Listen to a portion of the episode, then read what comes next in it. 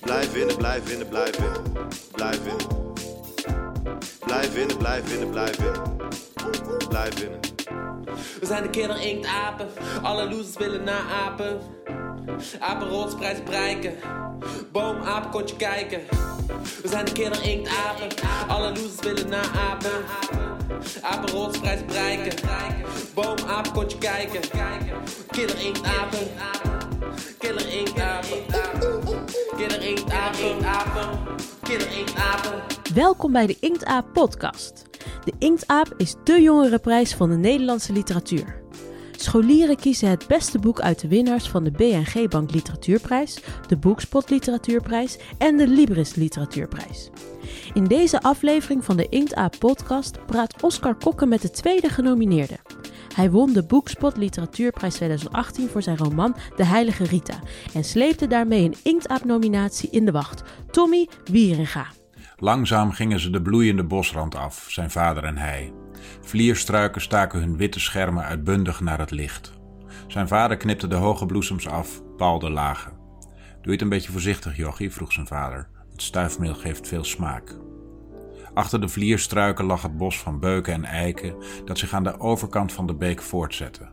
Daar werd het weer begrensd door een braakliggende es waar kievieten nestelden op de warme aarde. In de keuken vulde zijn vader een emmer tot de schermen onder stonden. Hij zette hem in de bijkeuken met een theedoek erover en mompelde: Zomaar dan. De volgende dag stonden de bloemetjes drabbig in de emmer, er kwam een rinse pisgeur vanaf. Op het aanrecht lag Alice haar receptenschrift opengeslagen. Ze brachten het mengsel tegen de kook aan in de grootste pan voor handen en roerden er citroenzuur en suiker doorheen. Daarna zeefden ze het en goten het in flessen. Ze hadden er heel wat te weinig. In de bijkeuken stonden nog volle flessen van voorgaande jaren, de witte labels beschreven in het dierbare handschrift van zijn moeder. Vlierbloesemsiroop, voorjaar 1975. Van de flessenbodems stegen bleke wervelingen van droesem op, transparante sterrennevels gevangen in glas. Dat jaar werden de stickers voor het eerst beschreven in het scherpe onderwijzershandschrift van zijn vader. Alles moest doorgaan als altijd. Dit ritueel zou elk voorjaar terugkeren. Zijn vader en hij die vlierbloesemsiroop maakten. Het was een van de beste dingen die Paul over hem te vertellen had. Vijf maaltijden leerde zijn vader zichzelf koken in die eerste maanden alleen, alle vijf met aardappels. Vijf basismaaltijden noemde hij het, één voor elke dag van de week. Het weekend was voor de kliekjes. Het was onwaarschijnlijk wat je allemaal met aardappels kon doen. Koken, pureren, stampen, bakken, frituren. In staafjes, blokjes, partjes en schijfjes. En vast nog wel meer als je er dieper over nadacht. Maar gestampt was de aardappel allerwies het liefst. Ze aten het jaar rond stampot. In het voorjaar kon je stampot maken van raapstelen en postelijn en in de zomer van sperziebonen en snijbiet. Dat volstond tot eindelijk het boerenkoolseizoen weer begon. Paul schilderde aardappelen. Dat was van meet af aan zijn taak. Eerst met een dun schiller en toen die per ongeluk met de schiller was weggegooid met een mesje. Hij waste de aardappelen en zette ze onder water in de pan. Terwijl zijn vader kookte, las hij Pinkeltje op reis. Het deksel klepperde boven de piepers. Terwijl een klont chroma smolt in de koekenpan, ging zijn vader met het vergiet de tuin in om slaablaadjes te plukken. Goedkeurend mompelde hij tegen de gewassen. De boerenkool kwam op de bonen hadden zich al tot aan het eind van de stokken gewonden. Niet lang meer en ze aten alle dagen sperziebonen. Tommy Wieringa, welkom uh, bij uh, aflevering 2 van de Inktaap podcast. Uh, normaal gesproken zouden we dit voor een uitzinnige menigte middelbare scholieren live op een podium doen. Maar dat zit er nu helaas even niet in. vandaar dat we het op afstand doen met een podcast. Niettemin Heel fijn dat je mijn gast wil zijn, Tommy. Uh, Hallo. Ja, je bent al eens eerder genomineerd geweest natuurlijk voor de Inktaap. Uh, in 2014 was dat. Toen ging het om uh, je roman Dit zijn de namen. Kan je hmm. die dag nog herinneren? Zeker. Signeren. Erg leuk. Eh, inderdaad, die zaal in de Doelen met eh, een, een ongelooflijke wolk van hormonen die je tegemoet walmde vanuit die zaal. Nee, dat was een, eh, een leuke en plezierige dag waar ik, uh, die, die ook nog eens een happy end had. Ja, precies. Jij won toen de Inktaap. Um, ja. is zo'n prijs, want je, je, je bent natuurlijk in je carrière vaker genomineerd voor prijzen, je hebt meer prijzen gewonnen. Heeft de Inktaap speciale betekenis voor je? Nou, zozeer. Wacht even hoor. Mijn dochters maken zich meestal meester van, uh, van de prijzen, maar deze heb ik toch wel op mijn werkkamer staan. Ja. Want wacht even, wat doen jouw dochters dan met jouw prijzen? Nou, die hebben een soort, soort uh, uh, belangstelling voor, voor gouden bekers en, en, en eerbewijzen. Dus die verzamelen ze als een soort exters in hun nest. Maar deze hebben ze, niet, hebben ze van mij nog niet losgekregen. Nee, maar ik vind, het ook een, ik vind het ook een mooi object. Het is niet zo lomp, niet zo groot, niet zo zwaar. Dus ik was er. Uh... Oh nee, dit is trouwens de NS Publieksprijs. Ik vergis me. Ja, hallo. nou, gooi die NS Publieksprijs op de oh, grond. Die, oh, die, is nu ook stuk, die is nu ook stuk. nou, dankjewel.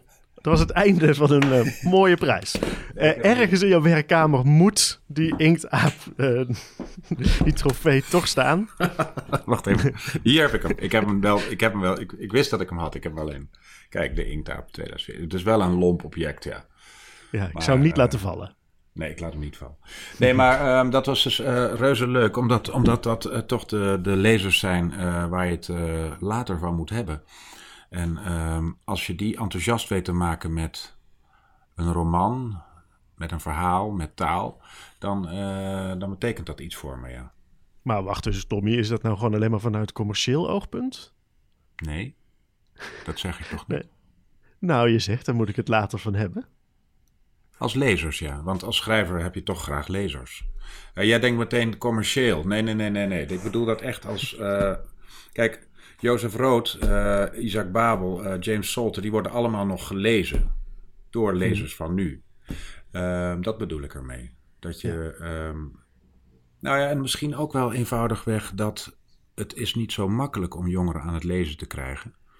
En als je ze dan enthousiasmeert, dan is dat een, uh, vind ik dat wel een heel bijzonder eerbewijs, ja. Nou ja, ook nu uh, zijn ze weer heel enthousiast, hebben zich flink vastgebeten in deze roman. Heel veel vragen die ze naar ons hebben gestuurd. Er zijn juryrapporten onze kant op gekomen. Ik zal daar straks ook nog eventjes uit citeren. Maar laten we even luisteren naar een aantal vragen die zijn ingestuurd. Hoi, ik heb een vraag voor alle genomineerden. Uh, hebben jullie een gouden tip voor toekomstige schrijvers? Hebt u tijdens het schrijven van het boek van tevoren zorgvuldig gepland of verrast u uzelf tijdens het schrijven? Heeft u iets uit het boek zelf echt meegemaakt? Een hoop vragen uh, waar we hopelijk straks ook antwoord op gaan krijgen van jou, Tommy Wieringa. Um, maar eerst eventjes naar de tijd dat jij zelf op de middelbare school zat. Ik heb me laten vertellen dat jij in je jonge jaren heel wat boeken hebt niet alleen verslonden, maar ze ook schijnt te hebben gestolen in boekwinkels. Hoe zit dat? Uh, ja, daar ben ik tot mijn uh, schande tot vrij hoge leeftijd mee doorgegaan. Oh, maar nee, ik heb, ik heb, nee, ik heb het laatste boek dat ik heb gestolen was op de school journalistiek. Dat was een boek van Aal Snijders. Uh, daar moet ik de school nog altijd, die moet ik eigenlijk nog altijd terugbetalen. Dit is een goede uh, herinnering daaraan, dat zal ik doen. Uh, nee, maar ik, ik, had een, ik had een geweldige leeshonger. En op zeker moment in de kleine bibliotheek van mijn, van mijn dorp had ik alles al zo'n beetje uit op de grote letterafdeling na. En in boekwinkels daar stond dat begeerde goed, namelijk boeken. En ik had geen geld om ze te betalen, maar wel die honger. Uh, dus toen heb ik uh, inderdaad veel boeken gestolen, ja. En mijn, mijn vader heeft daar op zeker moment een einde aan gemaakt toen zijn vriendin vertelde: Meet nou eens elke week met een meetlint hoeveel centimeter boeken erbij komt. En vraag je af of hij dat van zijn zakgeld kan doen. Dat heeft mijn vader toen gedaan. En die kwam er inderdaad achter dat ik per week centimeters boeken erbij had die hij niet kon verklaren. Dus dat was gestolen waar, ja. En hoe is dat toen opgelost? Kreeg je zakgeldverhoging? Ben je een bijbaan gaan zoeken? Nee, ik denk dat ik ben meer boeken gaan lenen van ouderejaars. En uh, ja, er zaten hele vreemde, hele vreemde titels bij. Van Jan Gerhard Toonder, uh, Bredero, alles, alles, alles. Dus wel, wel een, een, een, een, een verslaving aan het gedrukte woord heb ik daar vroeg op gedaan. Ja, en, en wat was dan die, die, die aantrekkingskracht die je niet kon weerstaan? Dat je met zoiets schijnbaar eenvoudigs eh, als taal iets kon oproepen wat, eh, wat, wat, wat ongelooflijk krachtig was. Wat, eh, je leest het in dit soort bewoordingen ook wel eens bij drugsverslaafden, dat, dat zoiets eenvoudigs als een joint of een naald je in andere werelden kan brengen. En dat had ik eh, niet zozeer met, eh, met drugs, maar wel met taal, met verhalen, met boeken. Daar, eh, dat, dat, dat opende nieuwe werelden in mijn hoofd. En als, het, als ik ergens zin in had in die tijd, dan was het aan nieuwe werelden. Je begint volgens mij nu zelfs alweer te grijnzen en, en ik hoor je ogen twinkelen zelfs. Ja, ja. Was het destijds waarschijnlijker dat je zou blijven hangen in de literatuur of in de kleine criminaliteit? Dat laatste, ja. Nee, ook, ik werd op een moment ook, eh, die, schoolcarrière verliep moeizaam. eh, ik werd van school gestuurd. Dat is allemaal tot daaraan toe. Maar eh, ik, ik, heb, ik heb veel geluk gehad met de juiste mensen op het juiste moment. Die, me inderdaad ook. Mijn pleegmoeder bijvoorbeeld, die, die bood me niet opeens een, eh, een scholing aan, maar ook boekenkasten vol. En daar kwam bijvoorbeeld eh, eh, de- wereld volgens Garp in mijn leven. Nou ja, ik heb, ik heb me bescheurd. Ja. Zo'n fantastisch boek. John Irving. Ja. Ja, dus daar, daar heb ik eh, het, het echte werk leren lezen. En, ehm, en ja, dan ben je voor de kleine criminaliteit misschien wel verloren, ja. Nou, gelukkig, de, de wereld heeft er een groot schrijver voor teruggekregen. Ehm, kan je vertellen, deze, deze roman, eh, De Heilige Rita, wat, wat was het startpunt voor jou als schrijver? Waarom wilde je deze roman schrijven? Omdat, ehm, kijk, mijn moeder, die, die, dat is heel autobiografisch. Dat, dat, dat, dat wordt wel eens beschouwd als een soort zwaktebod, maar het is nu helemaal niet anders. Ik, ik leefde met mijn vader in een eh, reusachtige boerderij eh, aan de Duitse grens in Twente. En toen mijn moeder vertrok, was ik elf. Eh, mijn vader wist niet wat hij met me aan moest. Ehm, de scène die ik voorlees, die gaat over het vlierbloesem knippen samen. En over dat mijn vader zich leerde eh, vijf basismaaltijden te koken. Voor el, één voor elke dag van de, van de week. En naarmate ik ouder werd, begon die herinnering me te ontroeren. Ik dacht, wat is dat toch bijzonder als een man die eigenlijk... Die, ik had tot, tot die tijd eigenlijk geen herinneringen aan mijn vader. Eh, hij was een man op de achtergrond. Mijn moeder overschaduwde alles. En eh, toen wij met z'n tweeën achterbleven daar en eh, op onszelf waren aangewezen, toen leerde hij zich dus koken. En op zijn eigen schitterende, amateuristische manier. En ja, naarmate ik ouder werd, ontroerde me dat. En kreeg het steeds sterker de contouren van een verhaal. Dus eh, daar heb ik, eh, bij die ontroering heb ik een verhaal gezocht. Misschien moet je het zo zien. En dat verhaal werd een verhaal wat, wat ging over ja, het vasthouden, het vastklampen aan wat je kent. eh, maar ook over eenzaamheid. Het gaat over, over angst. angst voor wat er nu is, angst voor wat er gaat komen, angst ehm, voor alles wat juist verdwijnen gaat.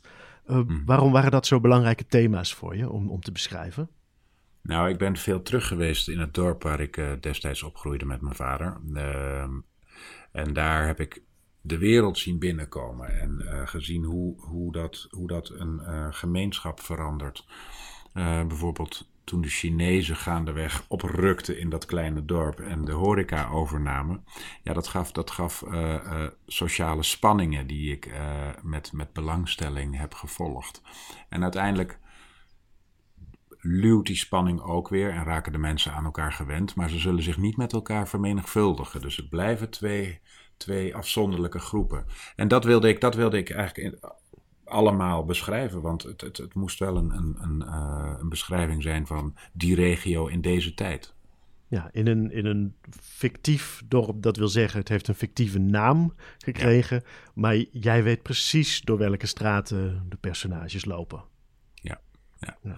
ja ik, heb, eh, ik heb het een, een, een andere naam gegeven, want anders krijg je van dat, van dat van, ja, Ja, misschien ook wel omdat ik dan mijn verbeelding ook de vrije loop kan laten. Als namelijk de straten precies zo moeten lopen als in dat dorp, krijg je later de, eh, de mensen van, eh, van, eh, van het dorp die zeggen: ja, maar dat klopt helemaal niet. Want de Zouavestraat die ligt daar en helemaal niet daar. En, dus het geeft mezelf ook wat vrijheid. Daar had je inderdaad geen zin in. Maar niettemin is er toch, is er toch een, een bescheiden vorm van toerisme op gang gekomen naar het Chinese restaurant dat ik uitgebreid beschreven heb. Ah, Wat me, on- wat me onlangs toen ik daar was, zeiden ze. Er komen mensen naar ons om te vragen of dit het restaurant is uit het boek. En toen eh, hoefde ik voor mijn, eh, voor mijn mie met eh, tofu niet te betalen. Wat een geluk. Ehm, er is een, ju- een juryrapport waar ik graag uit zou citeren. Het is van het eh, Stellingerwerf College. Een boek schrijven over een plek waar niks gebeurt, over een personage die niets beleeft, is een kunst die maar weinigen zich machtig hebben gemaakt. Tommy Wieringa doet dat schijnbaar moeiteloos in de Heilige Rita. Dat is een eh, compliment, maar ik blijf haken bij hun observatie schijnbaar moeiteloos. Ja. Hoe, hoe makkelijk ging het schrijven van dit boekje af? Ik wou ook nog even terug naar iets daarvoor, want er gebeurt natuurlijk heel veel. Eh, maar dan zoals je een, een petrischaaltje met bacterieel leven bestudeert, dat gebeurt. Het- is een wemeling van dingen. Alleen het zijn niet, geen grote wereldschokkende gebeurtenissen, maar niettemin hebben ze allemaal met de wereld te maken. En met de grote wereldbeweging, met, eh, met, met bevolkingen die op drift zijn, met vluchtelingenproblematiek.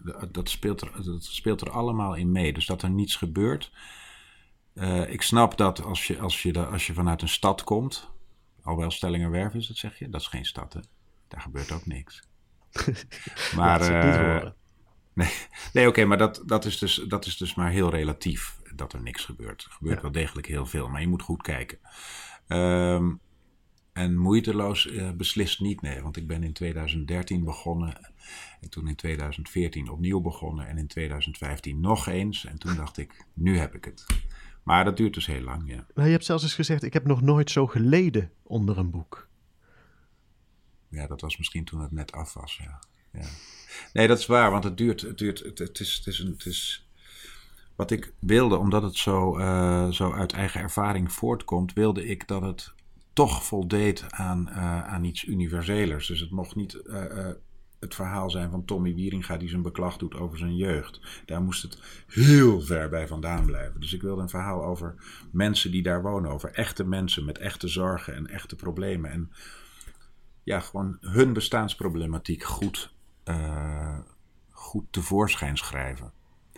Dat was de opdracht. En dat is, dat, het kostte me dus moeite om het bij mezelf vandaan te schrijven. Dat was de opdracht. En daar heb ik eh, lang over gedaan, ja. En had dat dan ook mee te maken dat het boek, het verhaal dat je aan het schrijven was, jou soms overviel? Dat het, dat het, dat het soms dus juist in één keer per ongeluk weer te veel over jou ging? Nee, want toen dat er eenmaal uit was, dan, dan, komt het er ook niet meer in terug. Eh, maar ik vond die eenzaamheid van die twee mannen, dat was het kerngegeven. En dan eh, eh, de bestaansproblematiek eromheen van de wereld die zich in dat dorp binnenwringt. Daar, eh, dat was eh, zeg maar het omgevings, eh, de omgevingsbeschrijving. Ja. Jesse, die- dat, dat, zijn vraag gaat een beetje voort op wat ik net vroeg. Ehm, Jesse vraagt zich af: hebt u het schrijven van het boek van tevoren zorgvuldig gepland of verraste u uzelf tijdens Ja. het schrijven? Ja, dat is, dat is, dan kom je natuurlijk op de eeuwige tweedeling van schrijvers. De controleschrijvers, dat zijn de schrijvers met grote vellen, met uitgeschreven karakters, uitgeschreven dialogen en eh, verhaallijnen. En, eh, en de wat meer misschien intuïtieve schrijvers. En eh, tot, tot die laatste groep behoor ik. Ik kan niet werken met een schema, ik heb alleen maar een, een, een, ruw idee. En een, de grove omleiding, van een per, grove omleiding van een personage. Maar ik, ik schrijf echt van zin naar zin. Dus ik kan niet alvast een, een hoofdstuk verderop beginnen en dan later terugkeren. Het moet echt. Die zin brengt me op de volgende en de volgende weer op de volgende. En zo rijg ik die hoofdstukken aan elkaar.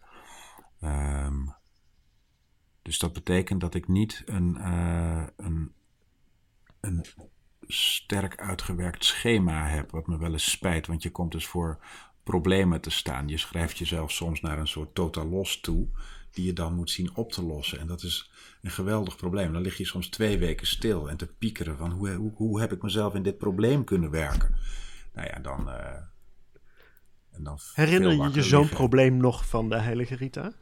Ja, maar vooral het begin. Vooral over hoe begin je zo'n boek. Wat, wat, wat, wat ga je vertellen? Wat, wat kies je als, uh, als centraal probleem? Uh, toen ik eenmaal bezig was, toen verliep het vrij makkelijk. Het vorige boek, uh, dat was, daar, daar, heb ik echt, daar heb ik mezelf echt op een totaal los toegeschreven, ja.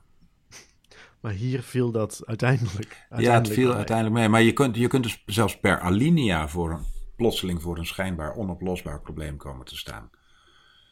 En uh, dat kan dus ook op een heel elementair, stom niveau zijn. Dat je niet weet, dat volgens mij heeft Mulisch dat ooit eens beschreven, dat je niet weet hoe je een personage uit zijn stoel krijgt. Hij stond op. Maar dat is een verschrikkelijk zinnetje, dat is heel saai. Dus uh, hoe, hoe krijg je die man weer in de benen? Dat soort, dat soort problemen, daar kun je, daar kun je echt, echt dagen over piekeren. Ja, want je zegt net, dan lig ik gerust twee weken nachtenlang wakker te, te, piekeren. Ja. Ja, ja. ja. Wat een kwelling. Nou ja, het is natuurlijk heel leuk. Het is een luxe, luxe kwelling. Ik mag nadenken over mijn eigen problemen. En, uh, en moet ze zelf oplossen. Dat is, nee, dat is geen kwelling per se. Het, het kan je wel beklemmen, maar uh, het, is een, uh, het, is een, het is een artistiek probleem. En omdat ik weet, ik heb intussen zoveel vertrouwen dat als ik het probleem zelf heb geschapen, kan ik het ook zelf oplossen. Dat vertrouwen heb ik intussen. En kan je, onder woorden brengen, kan je onder woorden brengen wat de vreugde is van het schrijven? Wanneer voel je je op je, op je best en, en denk je, ik heb echt het mooiste vak van de wereld? Uh, daar, daar, heel eenvoudig, wanneer ik schrijf. Wanneer ik schrijf is, uh, is dat alles en uh, heb ik eigenlijk niet zo heel veel andere dingen nodig. Ehm, schrijven zelf is, is het plezier. En het hele gedoe wat daarna komt, dat is uh, in toenemende mate uh, ja, afleiding. Maar behalve als je een prijs wint. Want een prijs is toch wel het allerleukst na het schrijven. ja. Maakt, uh, ben, ben je nog wel eens onzeker tijdens schrijven. Ja, God, je zegt, ik heb inmiddels wel ervaring. Ik weet, als ik een probleem heb gecreëerd, krijg ik het wel opgelost. Uh, je boeken liggen in stapels op de winkel, uh, in de winkels. En dat is niet omdat ze niet verkocht worden. Uh, dus, nou ja, je zou zelfverzekerd kunnen zijn. Maar ik kan me ook voorstellen dat er nog steeds momenten zijn dat je denkt, ik kan dit niet. Ja, dat is heel vaak. Dat is heel vaak. vaak. Ja. Nou, ik kan het niet, is misschien niet, niet, niet dat is te sterk uitgedrukt, maar wel kan ik het nog wel, is bijvoorbeeld een vraag die zich wel mhm. eens uh, opdringt. Uh, is het niet meer iets voor, uh, voor jongens van 23, Rimbaud-achtige figuren die de wereld willen verwoesten met hun kunst? Ehm, zijn, zit er genoeg leven in de zinnen? Mm Want er wordt heel, heel veel heel doods geschreven. En je zou daar niet per ongeluk opeens bij willen horen bij die categorie. Dus het, ja, heeft, het, heeft het voldoende leven in zich? Is het, is, komt, er, komt er een figuur van vlees en bloed tevoorschijn uit die woordjes? Dat, is, uh, dat, zijn, uh, dat zijn wezenlijke onzekerheden, ja. Er, uh, er, staat inderdaad een nieuwe generatie te trappelen om ook te gaan schrijven. een hoop van jouw lezers die, die nu voor de Inktaap deze boeken hebben gelezen... Um, er zijn een aantal die zelf ambitie hebben. En zo is er uh, Liam, die heeft de vraag uh, of je een gouden tip hebt voor toekomstige schrijvers.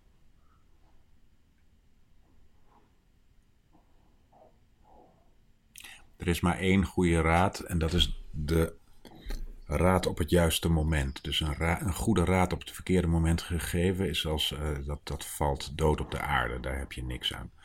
Uh, maar wat me soms verbaast als ik uh, voor scholieren optreed, is dat er uh, weliswaar jongeren zijn met een eh, ambitie om te schrijven, maar niet zozeer om te lezen.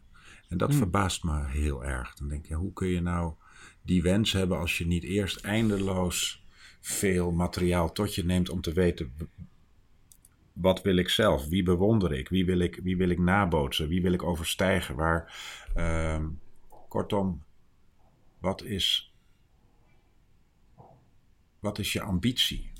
En ik verbaas me daarover dat dat, eh, dat dat soms niet met lezen gepaard gaat. Want ik kan me eigenlijk nauwelijks schrijven voorstellen zonder lezen. Maar goed, dat is een, eh, een, een mijn probleem, want dat is gewoon een beperkte voorstellingsvermogen dan. Een schrijver met een beperkt voorstellingsvermogen. Dat lijkt me een uh, flinke handicap. Als je zegt je moet, je moet een ambitie hebben, je moet iets willen nastreven en dan ook uh, iemand willen nadoen op een bepaalde manier. Ja, um, wie is voor jou op dit moment de schrijver die die positie bekleedt? Uh, op het moment niet zo, geloof ik. Ik kan, ik kan sommige boeken kan ik teruglezen wie ik op dat moment heel erg bewonderde. Uh, zoals Joseph Roth bijvoorbeeld, of Michel Houellebecq of uh, Richard Yates. dat zijn schrijvers die, die, daarvan kan ik zelf teruglezen wanneer ik, ze, wanneer ik aan het schrijven was terwijl ik hen las. Dan zie je hun invloeden in jouw zinnen ja, terug. Ja, ja, ja. En dat, dat, dat, dat, er zijn Anderen die vinden dat bezwaarlijk, dus die stoppen met lezen zodra ze uh, zelf gaan schrijven. Maar ik heb het er juist, uh, ik moet het er ook wel van hebben soms om, om mezelf vooruit te duwen. En zo moet het. Hm. Dit is levensschrijven, hier wil ik naartoe. En uh, dus, dus voor mij dienen ze levenslang als voorbeeld andere schrijvers. Ik geloof dus niet, ik geloof dus niet in, in, uh, in, uh, in schrijvers die zeggen dat ze bang zijn dat hun stijl wordt beïnvloed door de ander. Dan denk ik dat je aan een heel teer kastplantje probeert op te kweken. Uh, terwijl ik juist denk, alles mag erin. Veel, heel veel lezen dus. En ja. desnoods, ik denk dat je zelfs een oogje dicht zou knijpen als blijkt dat enkele mensen die boeken niet op volstrekt legale wijze tot zich krijgen als ze zomaar ja. ergens maar willen lezen. Het maakt niet uit hoe ze het doen, ja, als ja, ze maar lezen. en, en, nu uh, kun je veel makkelijker boeken stelen. Je doet het gewoon digitaal. ik moest ervoor naar een winkel. Wat had je het toch moeilijk vroeger. Ja. Ja. um, ja, jouw boek is met heel veel plezier gelezen. Er zijn uh, ja, alleen maar lovende zinnen over geschreven. En er zijn een hoop mooie vragen uit voortgekomen. Ik wil je voor nu heel erg hartelijk danken dat je in deze aflevering van de Inktaap podcast wilde zijn, mijn gast. En dat je daar uh, toelichting wilde geven op de heilige Rita. Dankjewel, Tommy Wieringa. Dankjewel. In de volgende aflevering van de Inktaap podcast is Nina Polak te gast. Zij is genomineerd voor de Inktaap 2020 met haar roman Gebrek is een groot woord. Beluister deze aflevering nu via Spotify of de podcast-app op je telefoon.